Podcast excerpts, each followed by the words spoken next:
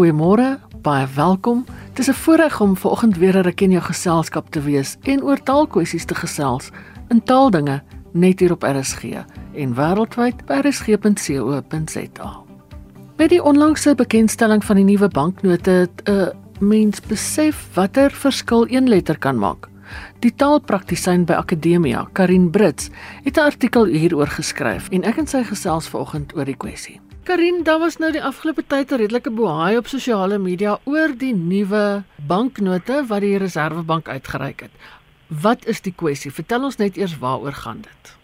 Goed, so die groot behaai was eintlik oor die die Tsonga wat op die 100 rand uh, banknoot verskyn. So in die verlede was dit Bankin Kulu, so hy daar 'n N in die middel gehad en hy die N is nou uitgehaal, so is nou net Bankin Kulu. En daar was nou mense wat ongelukkig was en en gesê dit is dis 'n spelfout. Hmm. Ehm um, en en natuurlik weet ons nou wat gebeur. Ons het altyd 'n uh, oorywerige taalpolisie en dan net ons al die foute uitwys en ons weet mos nou ook al wat doen taalpolisie hulle maak self ook maar taalfoute as hulle ons nou wil um, pak slaag gee. Ja. So ehm um, mens moet altyd maar mooi versigtig wees as daar 'n verandering is om om dadelik te sê daar's nou sommer 'n spelfout en, en die mense maak nou ehm um, droog. Ja, want ek gaan nou vra dat jy vir ons verduidelik wat is nou die die verskil. Maar watter proses word gevolg by so iets? Goed, die die die, die belangrikste is dat mense nou ook die die taalsprekers in raadpleeg want dit is op die einde ook dis die mense wat die wat die taal praat en ehm um, as mens nou gaan kyk na wat Pansat gesê het, het hulle die Tsonga nasionale taalraad geraadpleeg. So dit wat op die banknoot verskyn is wat deur die die die Tonga nasionale taalraad ehm um, goedgekeur is en dit is ook in ooreenstemming met die bygewerkte spelreëls. En ek dink hier met die bygewerkte spelreëls kan ons nou agterkom dis dalk waar is die die blaai kon opgeskop gewees het dat dat mense dalk nie bewus was van die van die bygewerkte spelreëls nie, maar so soos 'n goeie taalgemeenskap gaan kyk jy wat is die spelreëls en jy pas die teks aan in ooreenstemming met die spelreëls wat bestaan. Wat kan ons hier uitleer? Vertel vir ons wat is dan die verskil tussen Bangi Kulu en Bangi Nkulu? En wat is daai julle les daarvan?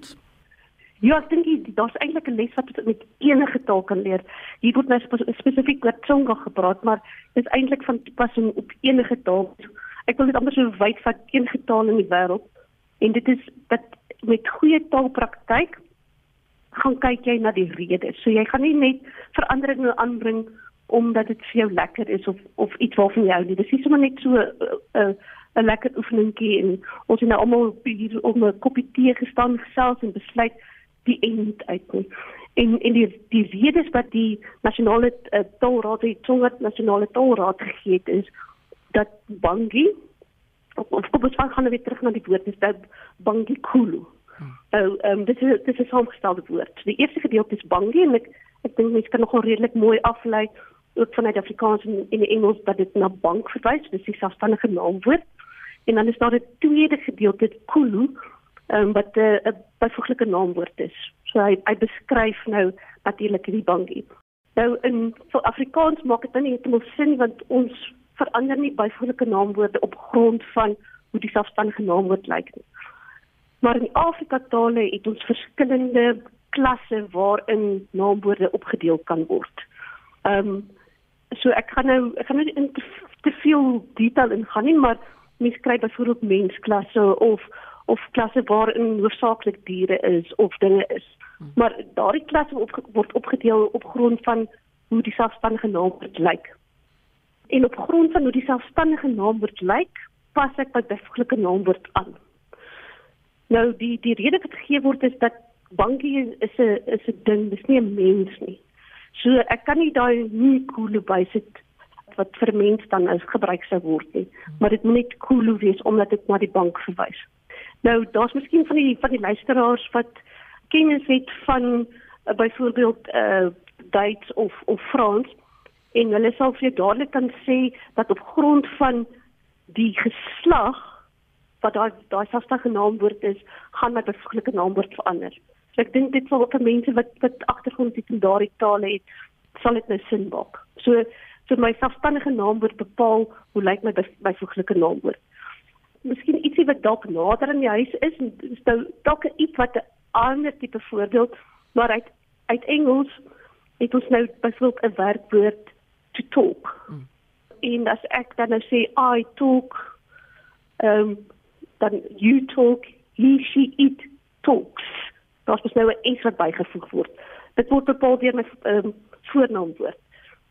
Ek kan byvoorbeeld sê I talks en almal gaan verstaan wat ek sê, maar hulle gaan dalk bietjie bietjie ehm um, uh, wenkbrauwe lig van hoekom sit ek nou 'n s by. Ja. Nou wat ek nou hier gedoen het is ek het eintlik nie nie 'n spelfout gemaak nie, maar 'n taalfout. So mense sou kon sê dat dit wat op die banknoot is wat voorheen eintlik 'n taalfout en nie 'n spelfout nie. So waar mense nou al te keer gaan dat daar 'n spelfout is, streng gesproke is dit eintlik 'n taalfout. Ja, ek het iewers gehoor eh, dat daar 'n blykbaar 'n klein dialekgroepie in die in die groter Tsonga taalgemeenskap is wat wel so sou praat en daarom uh, was dit die voor met die vorige ronde wel die en in. Ja, dit is nou dis weer die volgende ding. Ehm um, dit is nie te sê dat dit nie gebruik word nie. Ehm um, maar daar dit bring ons eintlik by die volgende punt waaroor ek graag wil praat en dit is 'n uh, standaardtaal. O ja. En dit is 'n dis 'n baie sensitiewe onderwerp en ek dink dit is ook al lekker deurgetrap is wat is standaardtaal. Ek moet dit ook net vinnig sê as ek praat van standaardtaal praat ek nie van hierdie taal wat verskriklik verhewe is bo die res en dat die ander kom ons sê maar dialekte of variante of variëteite 'n sip standaard is nie. So mens nie daar net die as ek praat van 'n standaard taal, praat ek van 'n uh, weergawe van die taal wat algemeen verstaan gaan word. Ja. Of deur die meeste mense verstaan word. So dit het baie praktiese implikasie. Ehm um, so dat die feit dat daar 'n kleiner groepie is, dis wonderlik. Dit beteken daar is variëteit in die taal. So almal praat nie presies dieselfde nie, maar ter wille daarvan dat ons die meeste mense kan bereik of dat die meeste mense gaan verstaan, gebruik ons dan 'n weergawe wat dan nou uh, wat dalk nou nie almal gelukkig gaan nou nie, maar ons gaan die, ons gaan die meeste praktiese waarde daaruit kry. Ehm um, so ek ek, ek sê glad nie dat die ander mense glad nie die en kan gebruik nie dit is nou dis nou maar net ons moet ter wille van goeie taalpraktyk het mens maar net 'n weergawe waarteen jy iets kan aanpas. In die hele kwessie rondom standaardtaal, miskien moet 'n mens en ek weet die gesprek is al in Afrikaans aan die gang dat mense dit iets anders moet noem as standaardtaal omdat ehm um, mens kan die indruk kry dat dit 'n verhewe vorm is wat natuurlik glad nie so is nie soos jy nou pas gesê het. Uh, maar dit gaan juis oor die algemene verstaanbaarheid en daarom sal 'n mens in amptelike kommunikasie daardie weergawe, daardie variëteit van die taal gebruik. Ja, so ja, ek dis my voorstel en miskien is daar ook ander mense wat ook dalk van die voorstelle wat self ook die voorstel het dat jy dalk maar praat van 'n algemene taal. Ja. Dit is maar uh, om 'n bietjie die angel daaruit te haal. Goed so dit dit's nogal dit loop soos ook maar 'n gesprek wat ook in ander tale aan die gang is, soos soos maar met Engels ook. So wat er wat er een is nou die standaard weergawe in elk geval van Engels. Ja. Maar dit dis ook maar dis maar 'n gesprek wat daar ook aan die gang is om 'n bietjie daai daai term daar uit te haal en om te sê waaroor dit eintlik gaan. En dan is natuurlik die verskil tussen gesproke taal en geskrewe taal. Ja, dis nou weer die ander ding en ek ek dink dit is nou dis maar so met 'n met 'n kleiner taal is mens dalk gewoond aan aan uh, geskrewe Engels. Dit voel eintlik nie vreemd om Engelse borde te sien en as jy ewe skielik iets in uh, in sê maar byvoorbeeld Tsonga of of 'n uh, ander taal kry dan is dit vir jou 'n bietjie ongewoon om iets geskrewe te sien. Ehm um, maar dis nou een saak. Wat is die verskil tussen geskrewe en gesproke taal? Ek dink baie prakties is ons praat nie soos ons skryf nie. Uh dit is baie onnatuurlik. Uh, ek, ek gaan my werk oor wel 'n bietjie vroeër gebruik as ek as ek in Afrikaans praat. Um ek gaan met nie noodwendig um weet om suiwer praat nie. Um my dialek gaan nou dalk makliker daarin glip. Um ek kan nou dalk 'n bietjie meer van 'n van 'n o gebruik as 'n a omdat ek hier so van die noorde afkom. So maar dit is net onnatuurlik om soos 'n 'n boek te klink as ek praat. Mm. Dit uh, dit gaan onmiddellik opval. En ehm um, so is die omgekeerde ook waar. Ek kan ook nou nie as ek erns besig met ernstige kommunikasie en informele taal gebruik, kan ek nou ook nie skryf soos wat ek praat nie.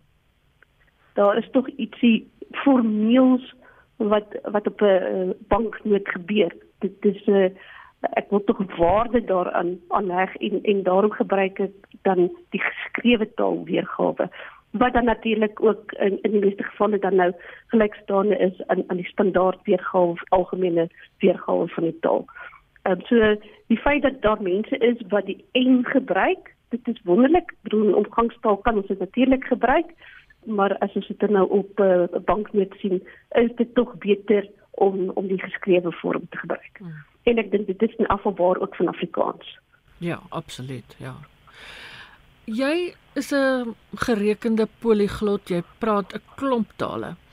Jy het nou 'n ander woord gebruik van suiwerheid. Is die hele kwessie oor suiwerheid by taal in ander tale ook so sensitief as in Afrikaans?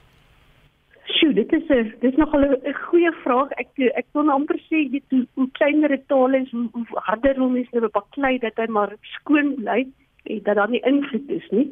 Ehm um, ek ek kan ook nou miskien maar uit my eie uh, ervaring maar sê as dit nou kom by die bietjie die akademiese sy ek, ek nou meer gespesialiseer in in Setswana. Ehm um, was dit ook maar dit was 'n gesprek van as ek voordele gebruik dan dan dat mense sê nee nee, dis 'n soete voorbeeld of dit is eintlik noord soete.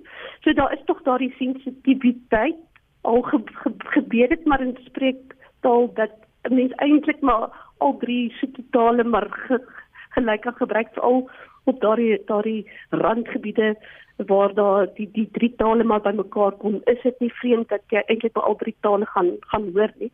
Maar as dit bietjie by 'n formeler kant kom is mense tog sensitief om te sê wie sit versigtig dit is eintlik 'n noordse te woord of wees versigtig is eintlik 'n suidse te woord.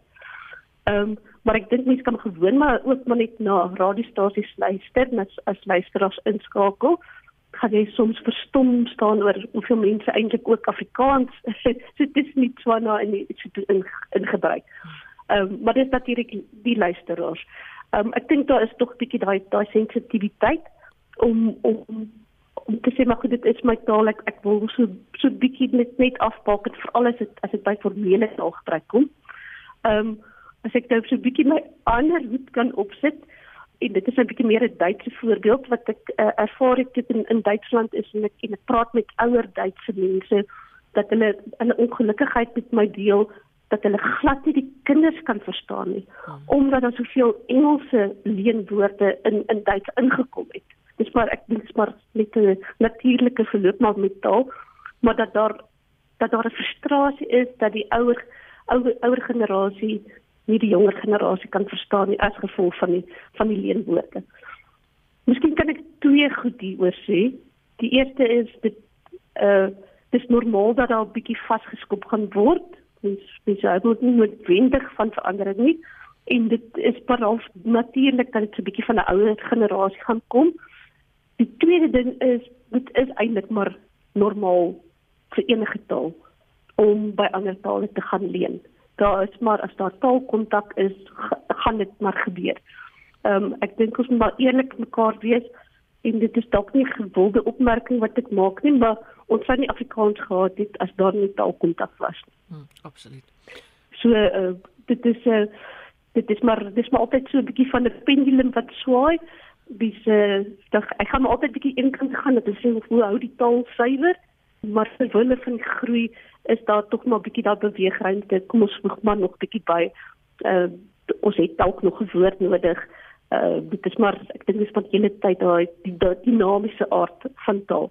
Ehm um, ek ek staan nou partykeer aan twee kante omdat ek 'n taalpraktisyn is, wil ek graag ietsie vas en seker hê ek het norme nodig om om my werk te kan doen, maar ek moet ook as taalpraktisyn besef dat die taal verander en ek moet maar gereeld maar eh, dit lees oor wat is die verandering wat is nou meer aanvaarbaar wat sien ons in die korpus gebeur ehm um, in in die paar aanpas is maar die die uh normatiewe taalkunde word maar gevoed deur die die, die deskriptiewe die beskrywende taalkunde. So daai twee gaan gaan nooit op sy eie kan op hulle eie kan funksioneer. Hulle het maar mekaar nodig. Dis maar net om die hele tyd maar in in gesprek en in in te bly. Want wat wil jy op die einde doen? Jy jy wil kommunikeer met mense.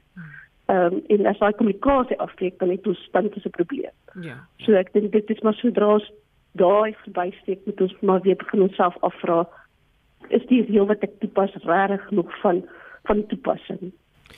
Ja, want ek dink dis die belangrike ding dat taal verander voortdurend anders sterf hy en alle ja. tale ja. verander.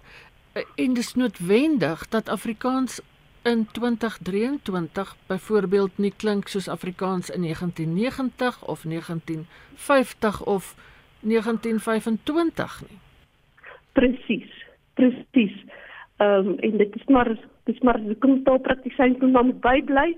Ehm um, en ons kan nie dieselfde reëls van weet toepas wat ons 20, 30 jaar terug toegepas het nie. Ja. Want dan is ons gewoon nie goeie taalpraktisyns nie. So ek koop nie 'n kleiner pak slaag nie oor nie, maar uh, ek dink die die belangrikste en, en dit sien mense nou maar ook in in die teorie is is dat jy jy moet seker maak dat jy in die eerste plek kommunikeer. Daai inhoud is die belangrikste. Ehm um, en dan kan mens aan al die ander goed ook in aandag gee. Ja, en ek kan nou nie onthou net was een van die groot Afrikaanse taalkundiges wat 'n keer gesê het, ehm um, mens moet seker maak dat jou gehoor of dit nou 'n lesende of luisterende gehoor is, die eerste keer verstaan wat jy sê. Presies, ek ek dink dit is nogal 'n uh, waarskynlik prof ja ehm um, kom bring. Ek dink so ja. ek, ja. ek ek, ek dink ons kan al die enige goeie goed wat daar te sê is kan ons maar voor sy beter gaan lê. ja. En net so laastens um, die hele kwessie van leenwoorde, dit kom tog van die heel begin van Afrikaans af. As mens net na een van die algemeenste woorde denkbaar kyk soos baie, dis 'n leenwoord. dis presies 'n leenwoord. Ehm um, En as ek dan bietjie daarin kan aanhaak, is dis is dit ongelooflik dat ons hierdie leenwoorde het en hoe dit eintlik deure oopmaak nie. Ja. En ek kan jou vinnig sê en dit is dit sluit dat die variëteite in. Kom ons dink nou aan iets so stramakassie. Mm. Ek kon byvoorbeeld in in Indonesië kon ek op 'n stadium sê stramakassie baie en en mense het pas verstaan ek het gewoon net bietjie dit wat ek uit Afrikaans ken en ek vermoed van daai omgewing afkom om dit te gebruik kon ek met mense praat. Ehm um, en dit is dis die lekkerte. As mens weet waar kom ons sien woorde vandaan. Dit was die taalpraktisyn van Akademia Karin Brits. En daarmee het ons ook aan die einde van vandag se program gekom. Stuur gerus jou taalnavrae vir my. My e-posadres ina@rsg.co.za. En as jy weer na die program wil luister, laai pot gooi af by rsg.co.za. Geniet die res van die dag in RSG se geselskap. Bly veilig, bly gesond en van my Ina Strydom groete tot 'n volgende keer.